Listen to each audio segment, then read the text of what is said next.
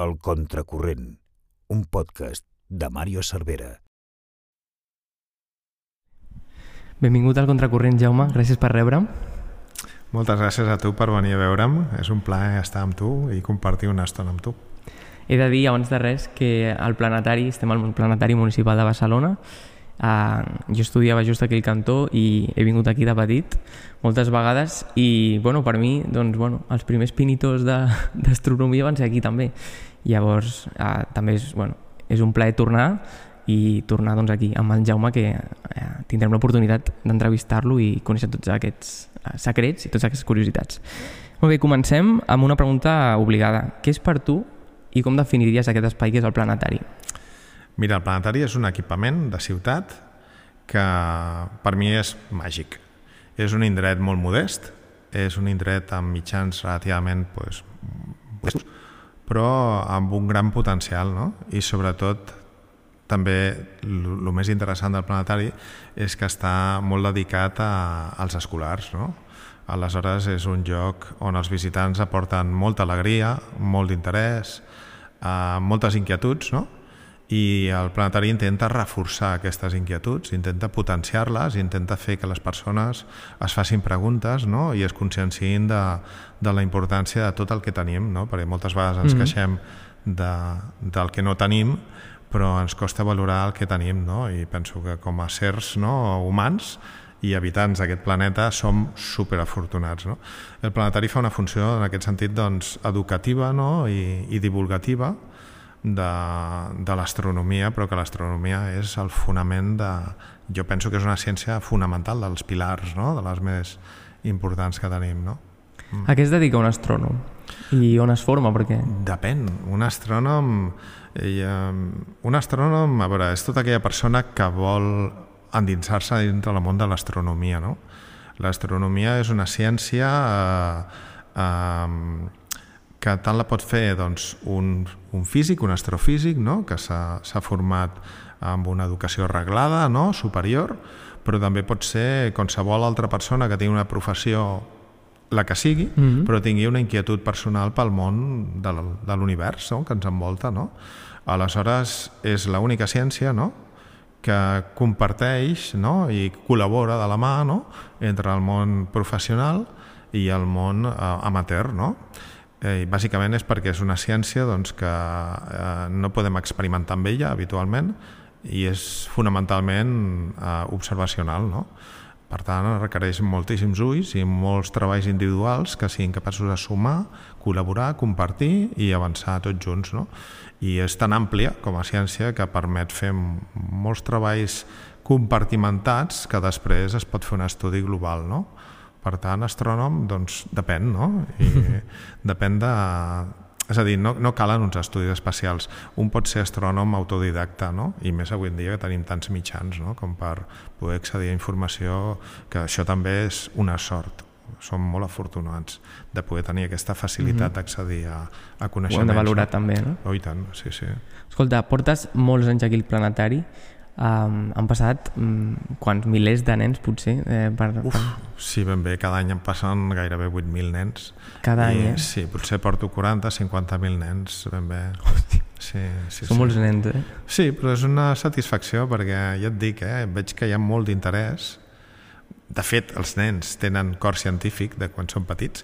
Comencen, mm -hmm. i tu saps, segur que tu també t'ha passat, comenceu pels dinosaures, no? Sí. I després l'astronomia, no? L'astronàutica, no? Són sí, sí.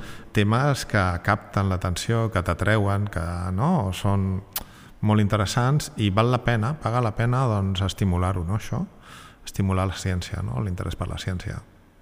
Que bé, Jolín. Uh, clar, e, és important també en aquesta feina, eh, imagino, i, i jo ho sé ja de primera mà, uh, lo important que és que t'agradi la teva feina i saber, i saber com fer arribar la informació a un públic eh, tan especial com poden ser nens, perquè és això. Abans de començar em deies que, que la teva tasca com a divulgador és saber, és traduir la informació al públic al que t'estàs dirigint. Sí, clar. Bueno, Eh, efectivament, eh, aquí potser podries posar un astrofísic i no seria un bon divulgador, no? És a dir que, o potser sí, però que sí que és important que la feina de divulgació, és a dir, de mm, vulgaritzar la ciència, que es deia així, no? antigament encara es diu així. El terme no? és posar a l'abast la ciència de qualsevol persona, no? has de tenir la capacitat d'improvisar, no? És a dir, estàs en un entorn de persones que et venen a veure i no pots tenir un guió tancat, no? No et pots quadricular, no? Has de ser capaç de mutar sobre la marxa, no? Per tal d'adaptar els continguts a aquells receptors que tens a l'altra banda, no? És a dir, en aquest sentit, crec que és molt important ser capaç de, de captar, no? El, les peculiaritats de cada una de les persones que, que, que tens en aquí i ser capaç de, de donar-los allò que, que els cal a cada un, no? Vull dir que és, és important complimentar coneixement amb capacitat de transmetre. I sí que és cert, estic totalment d'acord amb tu, que te, te l'has d'estimar la feina, no? I això ho veiem en qualsevol tipus de Hi ha persones que fan feines que no els agraden i es nota, no? En canvi, si una feina la gaudeixes, tu passes bé i disfrutes, doncs el resultat final sempre és molt millor, no? Està clar. Sí. Que maco sentir-ho, no? Que professionals que es dediquen a això eh, reafirmin no? i eh, exposin que, que és això, que és la teva passió, que t'agrada sí, i és... Sí, sí, clar, sí, sí. És maco de sentir després que ho reps, no? Perquè també el públic ostres, doncs és molt diferent que algú t'expliqui la informació per explicar-te o que realment ho visqui, no? que sigui una mm. cosa que, que porta dins. Això em porta a la següent pregunta, que és que quin va ser el teu Big Bang eh, particular? Eh, quin va ser aquesta, aquesta espurna que et va fer que et dediquessis a, al que et dediques actualment? El meu Big Bang va ser una trapelleria meva, que, bueno, jo a casa, quan la meva germana marxava de casa, eh, era més gran que jo, i la meva feina era explorar la seva habitació, no? Com bon trapella que era, no? i un dia remenant uns prestatges amb llibres que hi havia a la seva habitació em va caure un llibre que es deia Secrets del Cosmos del Colin A. Roman que era d'astronomia se'n va caure i se'n va quedar obert al terra amb una fotografia de la galàxia de l'Andròmeda no? em vaig quedar flipat tenia jo sis anys des d'aquell dia ja bueno, vaig quedar absolutament absorbit per l'astronomia vaig començar a moure'm i a fer de tot és a dir, que són ja molts anys amb l'astronomia, sí, sí. I ja no m'he pogut desenganxar mai, eh? vull dir que... T'atrapa, sí, no? És un món que... Sí, sí, totalment totalment. Fins i tot jo recordo tenia a casa una Olivetti d'aquelles antigues, mm. no? I escrivia llibres d'astronomia per mi, eh? És a dir, que sí, sí, sí.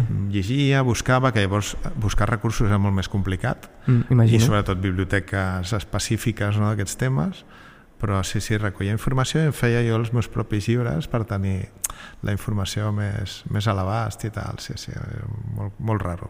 Sí. Molt raro, però bueno. Sí, sí, però bueno, que és, realment és, sí, és un món que t'atrapa molt, eh? Mm. Uh, I escolta'm una cosa, creus que s'ensenya suficient als centres escolars? Perquè la teva feina uh, és, diguéssim, extraescolar a la, a la que mm. pot portar cada, cada centre.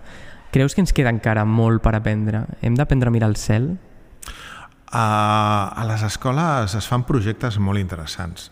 També és cert que els nens remen en la mateixa direcció. Hi ha molts nens que pr proposen projectes relacionats amb l'univers. No? Uh mhm. -huh. També és cert que els mestres tenen moltíssima feina no? de molts tipus i tenen poc temps disponible com per poder crear ells per si mateixos projectes. No? Per tant, no és cap crítica a ningú, eh? però sí que és cert no? que l'astronomia és és quelcom que sembla que estigui lluny de nosaltres no? Mm -hmm. i no s'estudia en profunditat. No? Fins i tot gent adulta, hi ha molta gent adulta que té, vamos, no té ni nocions bàsiques de, temes d'astronomia. I sí que és important, és molt important, perquè estem dins de l'univers, no? formem part de l'univers, no? a nivell de planeta i a nivell de certs. No? Mm -hmm. És a dir, i això estem atrapats en una rutina diària no? que ens dona una falsa sensació de rutina i seguretat, que darrerament ja hem vist que és totalment fictícia, no? Amb la Covid, etc etc, mm -hmm. coses que t'assalten i dius, com pot ser això, no? Bé, estem a l'univers, ens poden assaltar coses també, no? Formem part d'un entorn, clar. no? I vivim en una bombolla que ens protegeix, que és la Terra, que ens protegeix realment de coses que ens podrien matar en qualsevol moment, no? Però que no en som conscients i ens quedem amb el que hi ha per sota no? de l'atmosfera que és el nostre entorn de comoditat, no? el nostre entorn fàcil, no?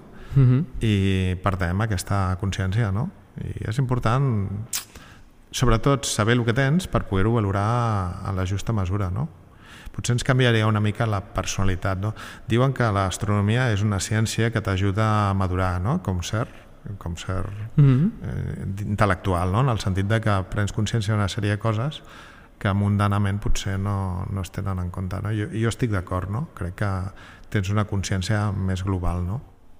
Quina és la pregunta més estranya que t'ha fet algun infant? Uf, és una pregunta molt complicada aquesta. Per què?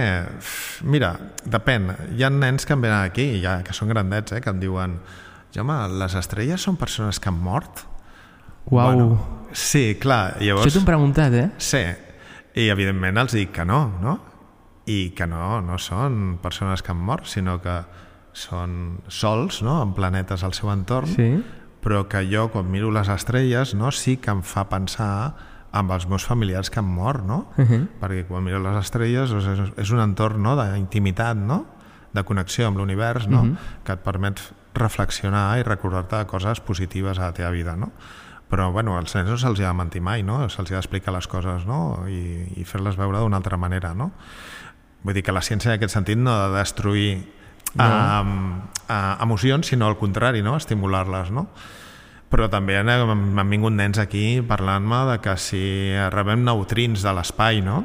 És a dir, clar, Hi ha de tot, no? avui en dia hi ha nens increïbles, però increïbles, eh? que et venen amb 7 o 8 anys i et Sí, eh? quedes Amb- flipat, flipat amb, amb el grau de coneixement que tenen. Eh? O sigui, no són preguntes tontes, sinó que s'han documentat, eh? o sigui, és, és increïble. Creus, creus que hi ha un espírit de, de recerca ara?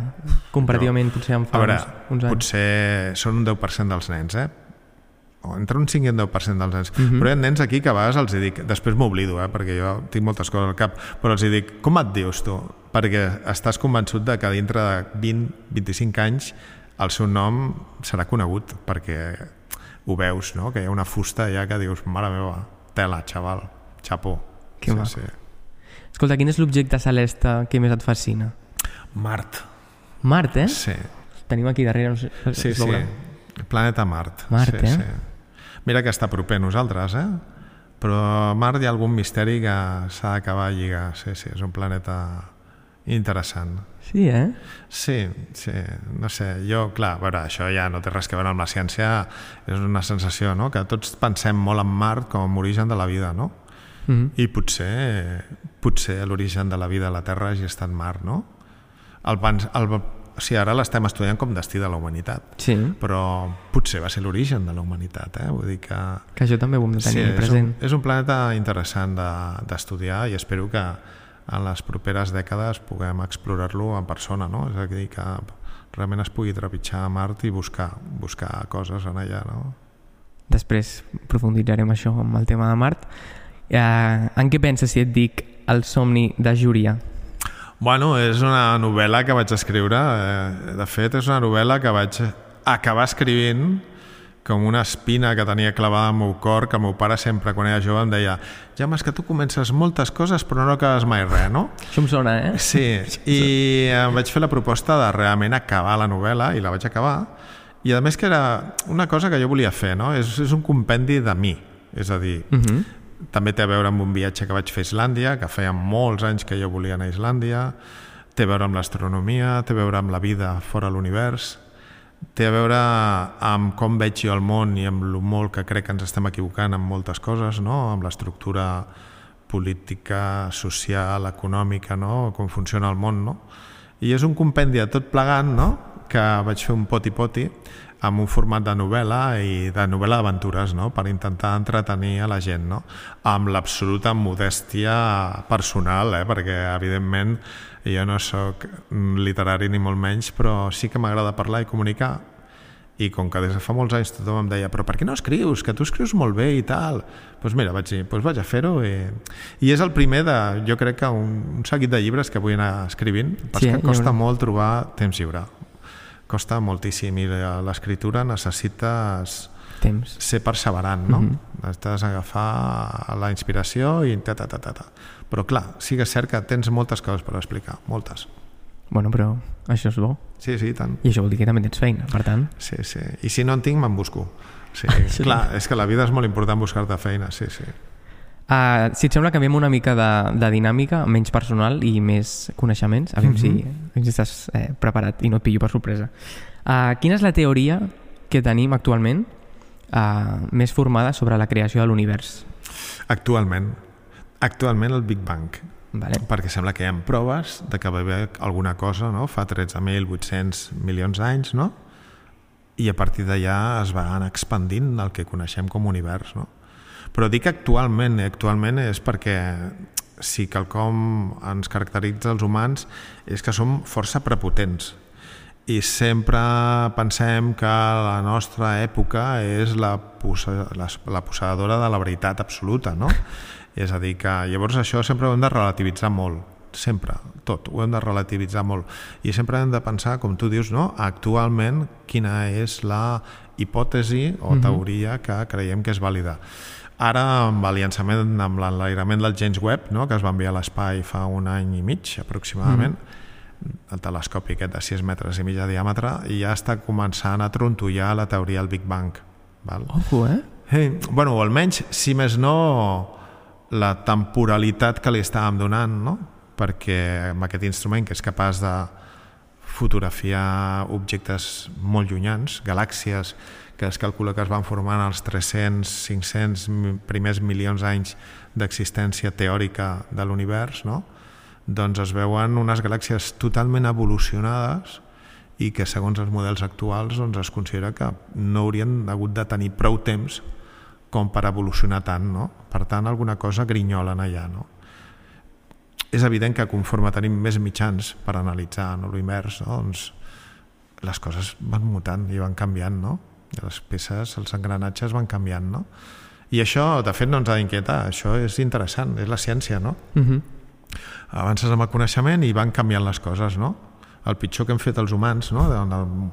Ja no parlo amb el món de la ciència, sinó amb el món de la cultura i de la societat, és quedar-nos tancats amb unes idees i intentar defensar-les contra, contra l'evidència, no? que això és terrible i ens ha passat històricament moltes vegades. No? Interessant això, eh? posar en dubte el Big Bang. Eh? Sí, bueno, eh, sí, sí, sí. No som posseïdors de la veritat absoluta. A veure, ens ha servit durant un temps, però no sabem ben bé... Sí que sabem que l'univers s'expansiona, sembla que tot apunta Uh -huh. a que s'expansiona, però bueno, d'això a dir que tot ha nascut d'un petit punt i ha aparegut tot allà, la pregunta és i, i, i d'on venia tot això, no? Una singularitat, que és el terme elegant per dir no tenim ni idea, no? vale? Encara hi ha dubtes, llavors, no? Hi ha... Sempre han d'haver dubtes. Molts interrogants. Clar, sempre han d'haver dubtes. És a dir, ens hem de ficar al servei de que les coses moltes vegades no tenen resposta, vale? però ens hem d'anar acostant a les respostes. Per tant, ara de moment la més resposta millor és el Big Bang. Quan tinguem un altre model que expliqui moltes més coses, doncs serà un altre. No hi ha problema, és anar avançant. Sí, sí. Res, quan parlem de l'univers, tenim molt present els conceptes matèria obscura i energia.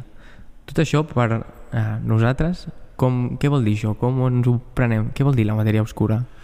La matèria fosca és una matèria que no tenim ni idea de què és exactament. Vale? Això, mm, qui va, qui va destapar la llebre va ser la Vera Rubin, una astrònoma nord-americana, que de fet, bueno, una astrònoma que com moltes astrònomes van patir el sexisme i els hi va costar moltíssim més que els homes obrir-se pas, no? I per intentar combinar la seva vida familiar amb la seva vocació, no? es va dedicar a estudiar objectes que en principi no havien de tenir moltes complicacions, com eren les galàxies. No? La Vera Rubin es va especialitzar en l'anàlisi de la rotació de les galàxies. No? Les galàxies roten, giren sobre, sobre si mateixes. Nosaltres, eh, mm -hmm. l'estrella, la nostra estrella gira amb un període de 230 milions d'anys al voltant dels, del centre galàctic, no? al, al voltant d'un forat negre, de fet estem girant. No? Doncs a la Vera Rubin es va dedicar a aquest camp i, oh, sorpresa, que ella va ser capaç de mesurar que en funció de la massa de la galàxia que estava, que estava observant, la quantitat de matèria, no? matèria bariònica, que és la que nosaltres estem fets, no? les que, que ens constitueix, doncs eh, la velocitat de rotació era mm -hmm. molt elevada i per tant s'hauria hagut com de desmembrar la galàxia que estava observant no? eh, per tant havia alguna altra cosa en allà que li donava cohesió i que interactuava gravitatòriament per tal de mantenir-la unida, no? doncs va descobrir la matèria fosca. És a dir, sabem que és una matèria que no la podem captar, però que interactua gravitatòriament amb la, amb la matèria ordinària no? que, que coneixem. Per això se li diu fosca, perquè de moment som incapaços de detectar-la, no? només de manera indirecta. Uh -huh. I quan a l'energia fosca, doncs bueno, l'energia fosca sembla ser que és la responsable de que l'univers s'està expandint i de manera accelerada. És a dir, que havia molts models quan es va implementar la teoria del Big Bang que parlaven d'un Big Crunch, és a dir, que primer l'univers s'expandiria i després tiraria enrere, començaria a guanyar o sigui, un primer mm -hmm. moment d'expansió, s'aniria frenant i la força gravitatòria tornaria a concentrar-la fins a un Big Crunch, no? és a dir, que tot tornaria al punt d'origen. Hi havia un altre que parlava de que es continua expandint i tal, cap al Big Freeze, que seria el refredament de l'univers. bueno, doncs, quin model sembla que ara està funcionant? Doncs el del Big Freeze, en el sentit de que cada cop anem més acceleradament expandint-nos, no?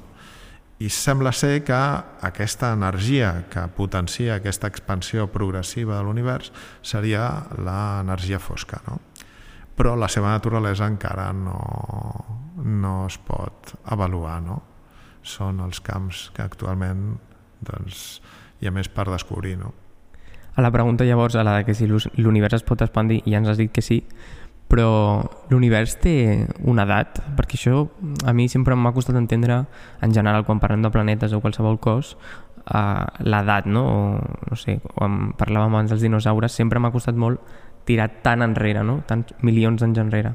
Però l'univers té edat? S'estima, s'estima, que té uns 13.800 milions d'anys. Però s'estima, és a dir, segons els models actuals.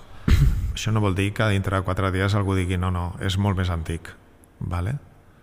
o que, com es pensava abans, pugui ser etern, no? perquè a començaments del segle passat, del segle XX, hi havia els dos models, no? que era quelcom etern, no? inerta, i mm -hmm. altres que parlaven que estaven en expansió. No? Bueno, no ho sabem, no? Ja, ara, de moment, funciona el model que tenim, però, ja et dic, tot ho hem de posar amb un de moment, no? provisional. Sí, tenim moltes coses a fer encara i moltes coses encara a descobrir, no? Bueno, bàsicament és que som, acabem de sortir del rovell de l'ou, és a dir, els humans tenim uns mitjans molt rudimentaris per estudiar una cosa que és tan gran, no? És immensament gran l'univers, no? Aleshores, eh, tot just hem començat, no? Hem iniciat. I els instruments que tenim són molt, molt, molt, molt rudimentaris, molt modestos. Per tant, eh, bueno, sí que és cert que la capacitat d'inventiva del ser humà i la seva capacitat d'extrapolar no? conclusions doncs ha permès treure conclusions que en molts casos doncs sembla que funcionen no? i que contra, contrastant amb la realitat observacional de l'astronomia doncs funcionen, però això no ens ha d'enganyar eh? a pensar que estem en possessió de la realitat, ni molt menys. És a dir, conforme tenim instruments més potents o més acurats, fem descobriments nous no? i ens adonem de que estàvem equivocats. No? Només cal mirar, doncs, fa 50 anys l'únic lloc on havia aigua era la Terra, no? i per tant només podia haver vida a la Terra. Ara hi ha aigua a les llunes de Júpiter, hi ha aigua a la Lluna, hi ha aigua a molts indrets, fins i tot hi ha nebuloses moleculars d'aigua a l'univers perdudes entre les estrelles, per tant... Va canviant, no? És el tot que dèiem. Va canviant, va, va... Tot va canviant. Sí. I escolta, alguna curiositat sobre, sobre les estrelles que a tu personalment t'agradi? Home, és, hi ha una que m'encanta i que m'agrada sempre compartir amb ells, no? amb, els que, amb els visitants, tant joves com adults, no? que és que realment nosaltres som fills d'una estrella, no? I això no és una poesia, és cert, no? O sigui, si sabem, això sí que ho sabem, no? que a l'univers primigeni havien bàsicament només dos elements químics, no? que era l'hidrogen i l'heli, no? Mm -hmm tots els altres elements químics, tots els altres que, que tenim actualment, no? tots els que formen part de nosaltres, no? és a dir, l'oxigen, el carboni, el ferro que circula per les nostres venes, no? tots aquests elements químics, només hi ha un indret a l'univers on es fabriquen, que és el nucli de les estrelles més grans, no? les estrelles que després de fabricar-los i sintetitzar tots aquests elements químics a partir d'una evolució de la cadena no? d'hidrogen, heli, carboni, oxigen, tal, quan exploten no? en forma de supernova, les envien tots aquests elements químics a l'espai, al seu entorn, no? i d'aquestes restes neixen noves estrelles i planetes que contenen aquests elements. Per tant, si nosaltres estem formats d'aquests elements químics, vol dir que eh, som fills d'una estrella que va crear tots aquests elements químics dels quals nosaltres estem fets. No? Això ens hauria de fer reflexionar i pensar que formem part no, d'això. No som observadors, no? No som observadors d'una pel·lícula, sinó que som protagonistes, no? I formem part no, d'aquest univers és a dir, estem fets de la mateixa matèria que estrelles, planetes i tot el que hi ha al nostre entorn, no? Mm. Que bé, sona, sona increïble, eh? Sí, sí, és que és increïble, realment, és increïble. Tenim molta sort d'estar vius, no? I de poder, amb la nostra humilitat, no?, Uh -huh. ser capaços d'analitzar, no?, el nostre entorn, no?, i fer-nos preguntes tan, tan interessants com la que deies tu, no?, de quants anys no? fa que va existir, eh, que va néixer tot això, no? O sigui, aquesta capacitat de, de raciocini, no?, és la part bona de l'humà. Mm. Hi ha altres no tan bones, no?, però aquesta és, és molt potent, és molt interessant. I sobre la, sobre la immensitat, jo ja a nivell personal també tinc molts dubtes, però com podríem fer-nos una idea de, del tamany de, per exemple, els planetes del sistema solar o, o Ah, és que a mi em costa molt, eh? ja dic, a nivell personal ja és una bogeria. A tots ens costa molt. És... Parlar de dimensions és, és aclaparador, ¿vale? Per què? Pues mira, imagina't, el planeta Mercuri, el primer que tens en allà, ¿vale? Tu imagina que diguessis, va, vaig a fer un, una maqueta del sistema solar. Molt bé. Moltes escoles ho fan, eh? Uh -huh. I totes les escoles acaben pillant, és a dir, fracassen. Per què? Tu pots fer els planetes a escala. Comencem per un planeta el més petit, vale? Mercuri. El fas de 2 mil·límetres, una petita esfera de 2 mil·límetres. El Sol tindria uns 56 centímetres de diàmetre, vale? Però el problema no és aquest. És a dir, tu pots fer els planetes a escala i el Sol a escala. Però si vols posar les distàncies que pertoca, aquí és on ja t'enganxes. Vale? Per què? Perquè la distància entre el Sol i Plutó, per exemple, el millor representant dels planetes nans, doncs estaria Plutó a dos, a dos quilòmetres i mig de, de, de l'esfera de mig metre, no? Sent a escala, eh? Sí, a dos quilòmetres i mig de distància. Vale? És a dir, una escola no es pot permetre el luxe de fer anar un nen a dos quilòmetres i mig per posar el planeta Plutó allà. Vale? Però clar, si ja ens en anem a parlar de representar la distància que està l'estrella més propera a nosaltres després al Sol, uh -huh. Pròxima Centauri, no? la constel·lació de Centaure, doncs aquesta persona hauria d'anar a 14.000 quilòmetres de distància.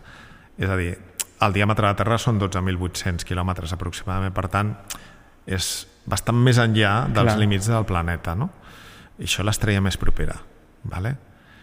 Uh, per tant, quan parles de dimensions és una autèntica bajanada, no som conscients.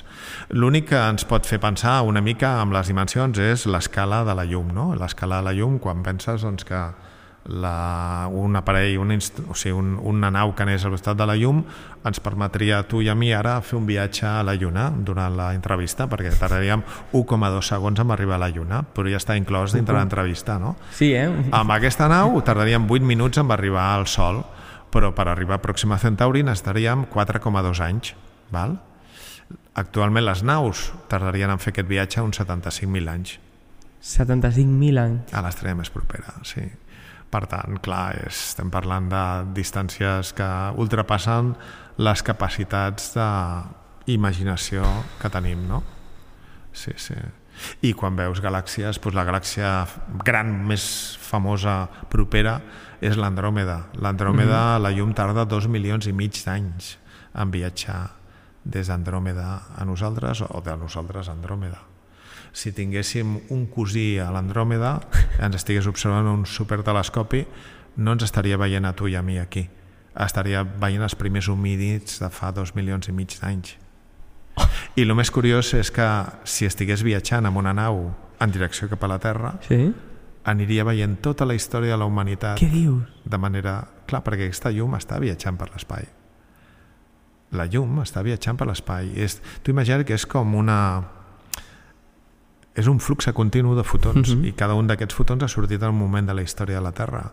Per tant, si t'estiguessis acostant d'una galàxia com Andròmeda en direcció cap a la Terra, aniries trobant en tots aquests fotons que aniries veient una pel·lícula rebobinant-la des del passat fins al present quan arribessis a la Terra, no? Això és el que a mi em resulta realment... Clar, jo també és un tema que, que clar, no toco ni, ni diguéssim, valoro ni estudio cada dia, però cada cop que ho penso i dic "Uf, realment és una cosa que no sé si abrumadora a mi, però realment em deixa bastant tocat perquè dius, aviam, què està passant aquí? Sí, No? sí. Bueno, és una sacsejada, no? Sí, sí que Sí, et fa un cop amb la realitat. Escolta, et proposo un repte. Si fem un repàs de tots els planetes del sistema solar, em sabries dir una curiositat o definir-los amb una paraula només? Amb una paraula, sí, sí, cap problema. Sí? Sí. Arrenquem? Vinga, va. Vinga, Mercuri, Desert. Venus, Un infern. Terra, Uh, un miracle. Mart, Futur o passat? Depèn. uh, Júpiter, L'emperador.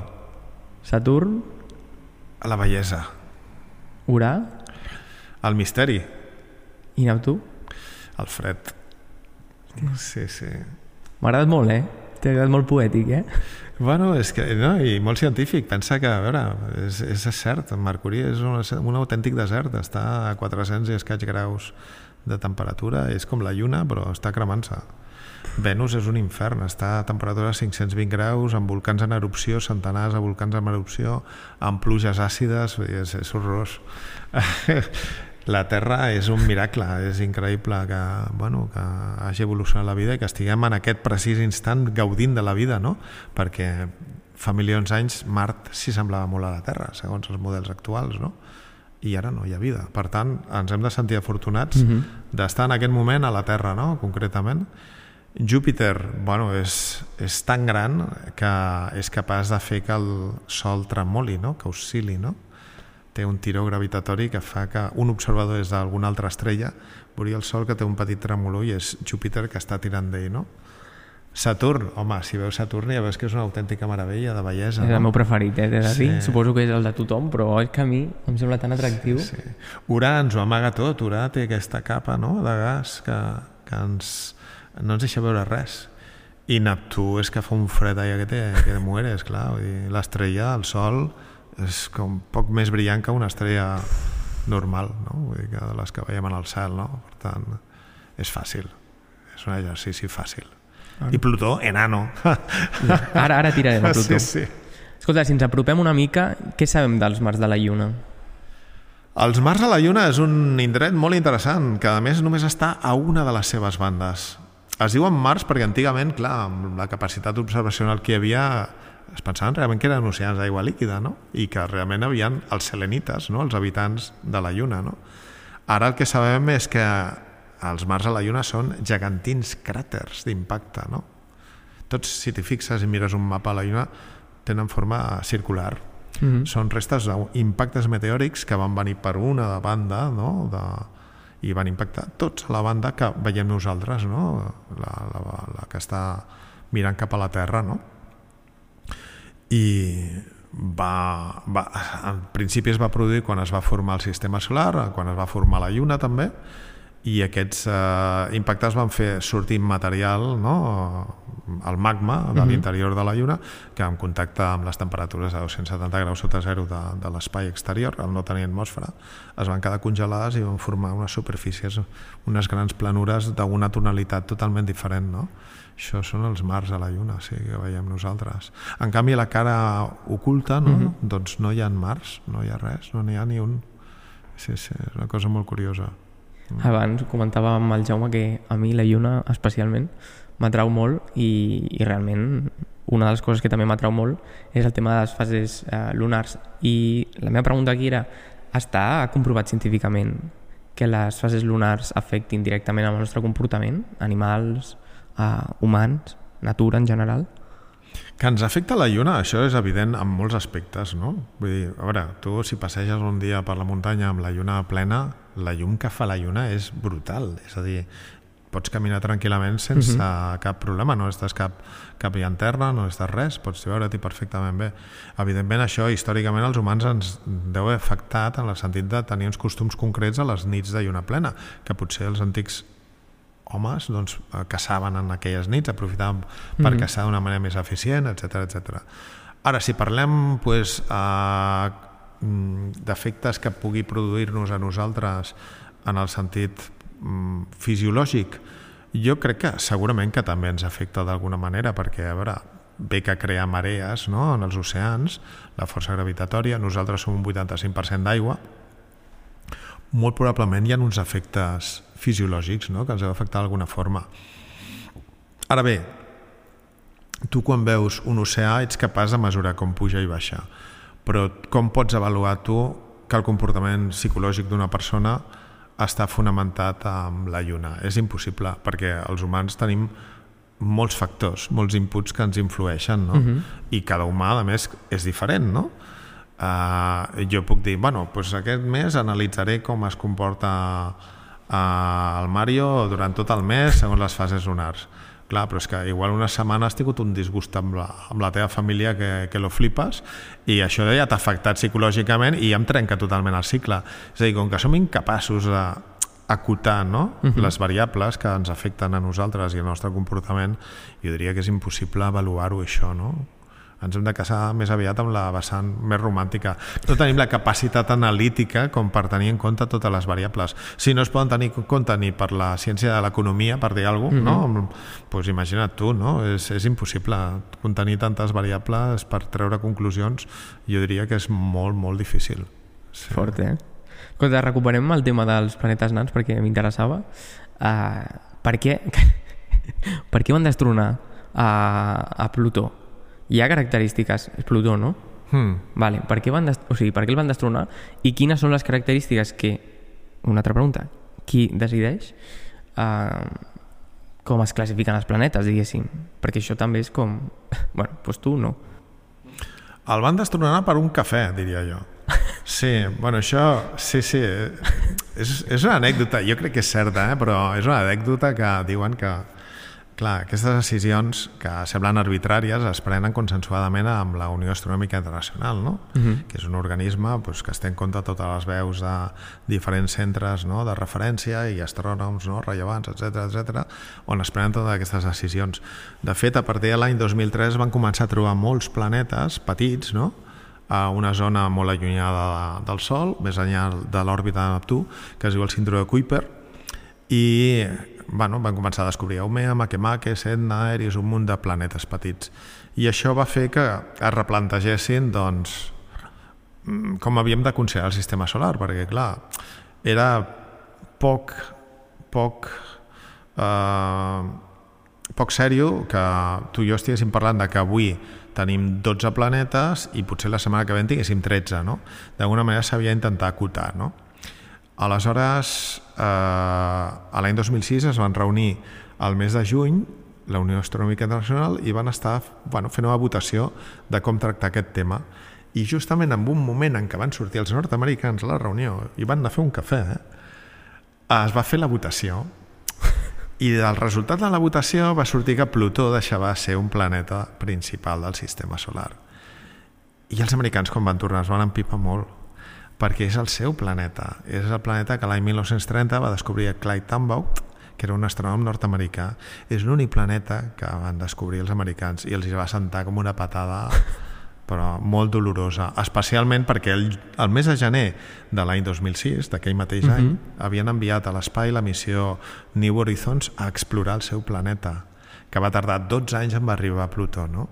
És a dir, que es van juntar ja un munt de coses que ho porten com una espina sí, clavada eh? al cor i jo crec que acabaran aconseguint girar la truita i que Plutó torni a ser un sí, eh? planeta. Pot tornar. Sí, jo crec que ho acabaran aconseguint, perquè realment el que va enviar la New Horizons des de, des de Plutó és que és un planeta geològicament increïble. És el segon més interessant després de la, de la Terra, no? És a dir, és un món que va sorprendre moltíssim, no? Uh -huh. um, quines condicions es van establir? Doncs bàsicament tres. El planeta ha d'orbitar al voltant del Sol, per tant no ha de ser un satèl·lit, sinó que ha de ser que ell orbiti directament al voltant del Sol, després que tingui una massa suficient com per tenir equilibri hidrostàtic, és a dir, que tingui forma esfèrica, vale? Vale. i tercer, que hagi netejat la seva òrbita, és a dir, que per allà on passa ell sigui l'objecte dominant, no? Això en el cas de Plutó no passa perquè interactua amb d'altres objectes, no? Que, I tots els planetes nans també interactuen entre ells, no? És a dir, comparteixen territoris, no? I llavors aquestes van ser les tres normes que es van treure de la xistera en aquella reunió del mes de juny i que van destronar Plutó com planeta principal del sistema solar. Però bueno, això és ara. Dintre d'un temps poden canviar criteri, és a dir que les lleis són arbitràries mm -hmm. i temporals, depèn de, dels interessos a cada moment, no? I com a professional i, i amant, perquè has dit que t'agrada molt, què opines de les expedicions a Mart? Fan mitja por. A mi em fan mitja por, perquè, clar, jo quan era un nen, les expedicions a l'espai eren bàsicament pues, eh, controlades per la NASA, per poques entitats, no? diguem-ne, i principalment per un interès científic. Sí que uh -huh. és cert que l'arribada de l'home a la Lluna va ser més un tema polític, no? però bueno, bàsicament s'han basat en la investigació i la ciència. No? Ara és un campi que pugui, que hi ha molts organismes, tant mm, privats com, com públics, que estan enviant objectes a l'espai. No? Per tant, des del meu punt de vista, crec que al final acabarà imparant l'economia, no? Uh -huh. I les missions seran colonitzadores amb criteris econòmics i de, de guanys, no? I això, doncs, és un perill, no? Perquè, clar, abans d'enviar missions a colonitzar Mart, sobre el debat aquell de l'ètica, no? De, sabem segur que no hi ha vida a Mart? Encara que sigui bacteriològica, tenim la capacitat de fer de Déu i destruir una vida existent en un altre món, no? Uh, una mica com la pel·lícula Avatar, no? Que, uh -huh. que em deies que t'agradava també el cinema, doncs d'alguna manera estem en condicions de nosaltres imparar amb d'altres mons on pugui haver altra vida i, i sobretot especialment perquè no som capaços de, de cuidar del nostre propi planeta, no? És a dir, estem en condicions de poder anar més enllà. Des del meu punt de vista no hauria de ser així, no? S'hauria de limitar a temes d'investigació, científics i tal. Però malauradament tinc la sensació de que, com que és un tema econòmic, de diners, els diners surten d'on hi ha interessos per recursos, no? I serà el motor que farà que l'astronàutica tiri endavant. Mm. Alguna notícia que tinguis recent sobre propers llançaments o, o que tinguem, bueno, que puguem estar també una mica al dia de... Home, el més immediat ara és el dia 13 d'abril que envien la missió Lluís els de l'Agència Espacial Europea cap a les llunes gelades de Júpiter, no? que bueno, són tres llunes, Europa, Ganímedes i Calixto, que tenen un oceà d'aigua líquida en el seu interior. Es vol aprofundir en l'estudi d'aquestes llunes, perquè allà on hi ha aigua i hi ha aigua líquida, doncs hi ha candidatura a bebida, no? Sí. El que passa és que, clar, és una mica trist el, el tema de que tardaran set anys en arribar fins allà, no? És a dir, que ara, vale, veuràs com el llancen, però fins dintre de set anys no tindràs notícies, no? I el més interessant, imminent i això més engrescador des del meu punt de vista són les missions Artemis de la NASA, no? que ja van enviar l'Artemis 1, ara el 2024 enviaran l'Artemis 2, que ja aniran amb humans fins a la Lluna, què diu? Només orbitaran la Lluna, vale? és a dir, faran les, com les missions dels Apolos previs a l'Apolo 11, no? Uh, però l'Artemis 3 l'any 2025 ja aterrarà a la Lluna, és a dir, els humans tornaran a la Lluna i de fet tornen per quedar-s'hi, és a dir, que la idea sí, és sí, primer es muntarà una base orbital no? Al seu voltant, és a dir, com una estació espacial internacional uh -huh. que mhm com la que tenim al voltant de la Terra, oh. hi haurà eh, doncs una base orbital i eh, es preu construir una base lunar a nivell de Terra en un cràter que diu Shackleton, vale? que està al pol sud de la Lluna, i que com a peculiaritat que té, i per això l'han escollit, és que en l'interior d'aquest cràter és un cràter amb muntanyes, amb una cresta al seu voltant de muntanyes molt elevades, que fa que no li dongui mai la llum del sol en l'interior del cràter. Wow. Hi ha gel, hi ha grans masses de gel d'aigua. Per tant, és el lloc ideal no? per muntar una base humana perquè tens aigua disponible no? en estat doncs, de, sòlid però que bueno, pots utilitzar no? per... i aquesta és la idea és a dir, la idea és ja muntar bases a la Lluna em sembla que després de 50 anys o gairebé 60 no, d'esperar pugui començar a tirar endavant alguna d'aquestes idees no sé fins quin punt militar, estratègic, no sé, yeah. però sembla que haurà, hi haurà la tecnologia una mica més a l'abast. I de quins mitjans disposes per, per informar-te? Home, internet és una eina superpotent, però també els llibres, revistes, uh mhm. -huh. i, bueno, una mica de recerca a tot arreu, no? I sobretot el que és molt important, tant per un professional com per qualsevol persona, és contrastar la informació. Has de tenir diferents fonts i contrastar la informació d'uns llocs i d'altres, perquè sí que de vegades hi ha molt sensacionalisme en alguns indrets, no? Val la pena anar a les fonts originals no? de la informació, i també de contrastar coses que veus por ahí, no? Que no t'has de quedar amb la primera notícia has d'escarbar una mica no? les coses per veure si, si allò té cap peus o hi ha una errada simplement sense cap mala intenció, no? que a vegades també es produeixen errades. Una de les errades més comunes, i, i que això us convido que ho mireu, i que estan llibres, eh? és que parlen de, per exemple, bilions d'anys d'existència, bueno, bilions d'anys si l'univers té 13.800 milions d'anys, bilions d'anys no n'hi han, ¿vale?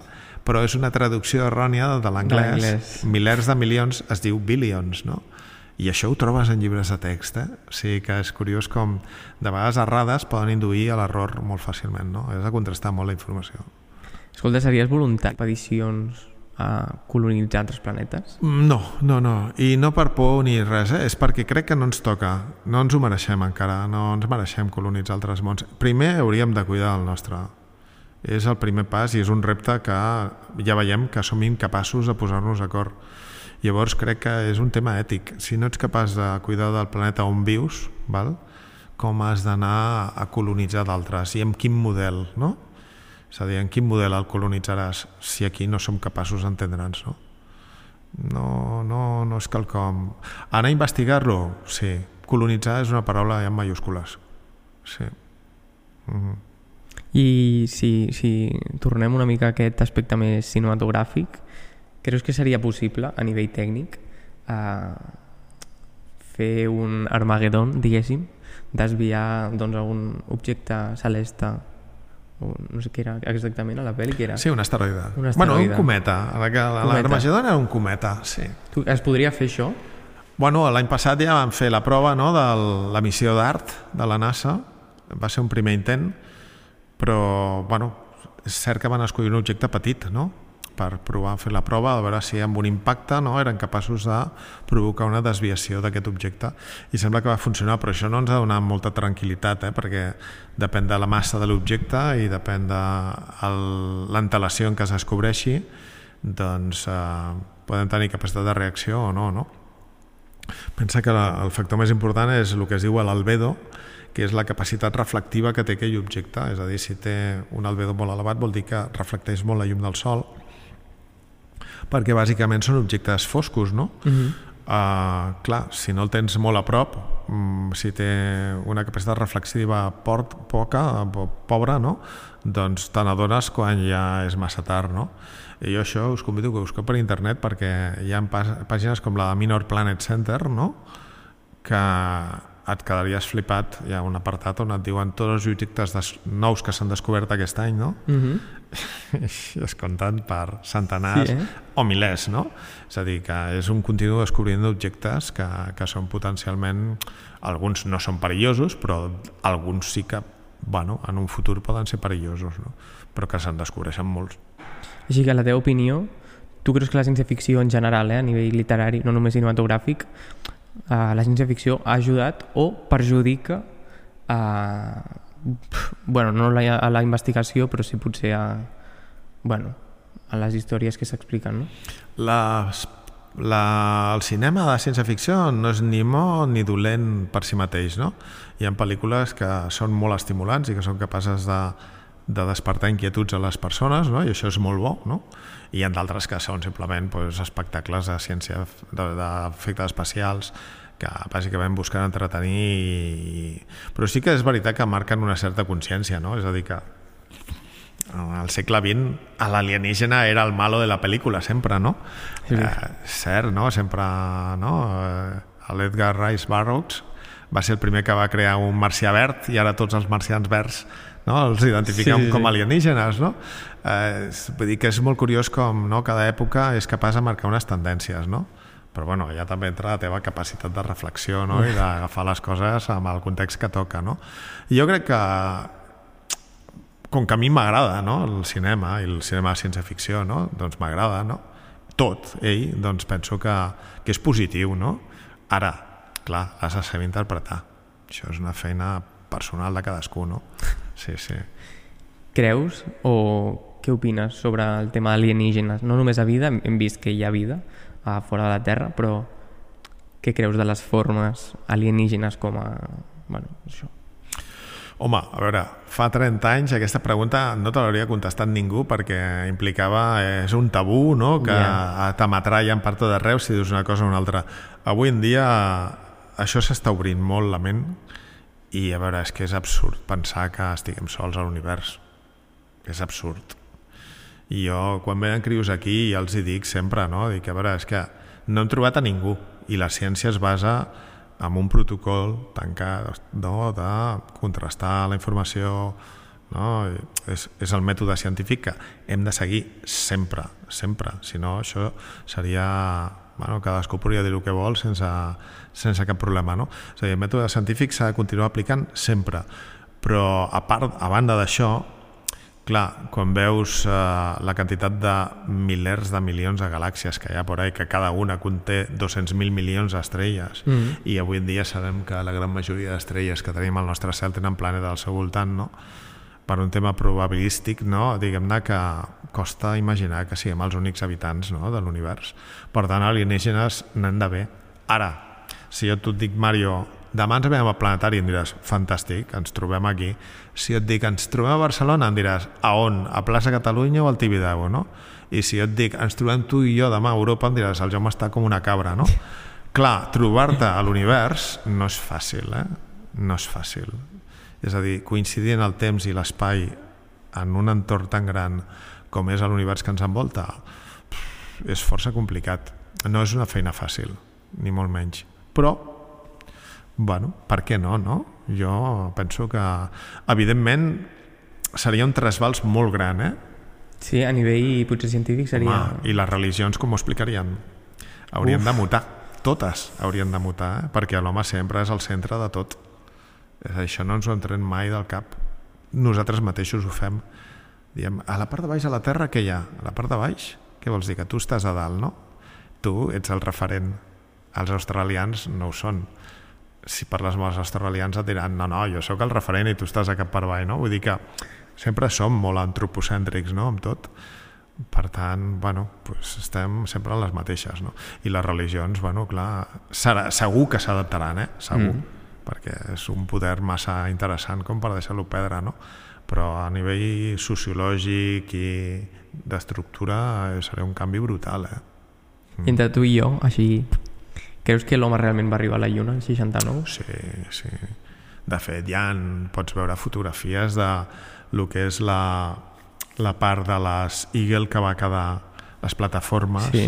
de llançament de, les, de la missió, no? que quan tornaven cap a, a posar-se en òrbita lunar per enganxar-se amb la càpsula per tornar a la Terra. Avui en dia tenim resolució suficient com per poder fotografiar on estan aquestes plataformes i de fet hi ha les marques, les roderes dels vehicles que van enviar a la Lluna i els jocs fins on van a arribar i després també hi ha els, els famosos miralls no? Mm -hmm. que cada any van recalculant la distància a la Lluna amb làsers a la Terra sí que van arribar i encara que ens costi pensar que fa per què hem esperat 50 o 60 anys en tornar?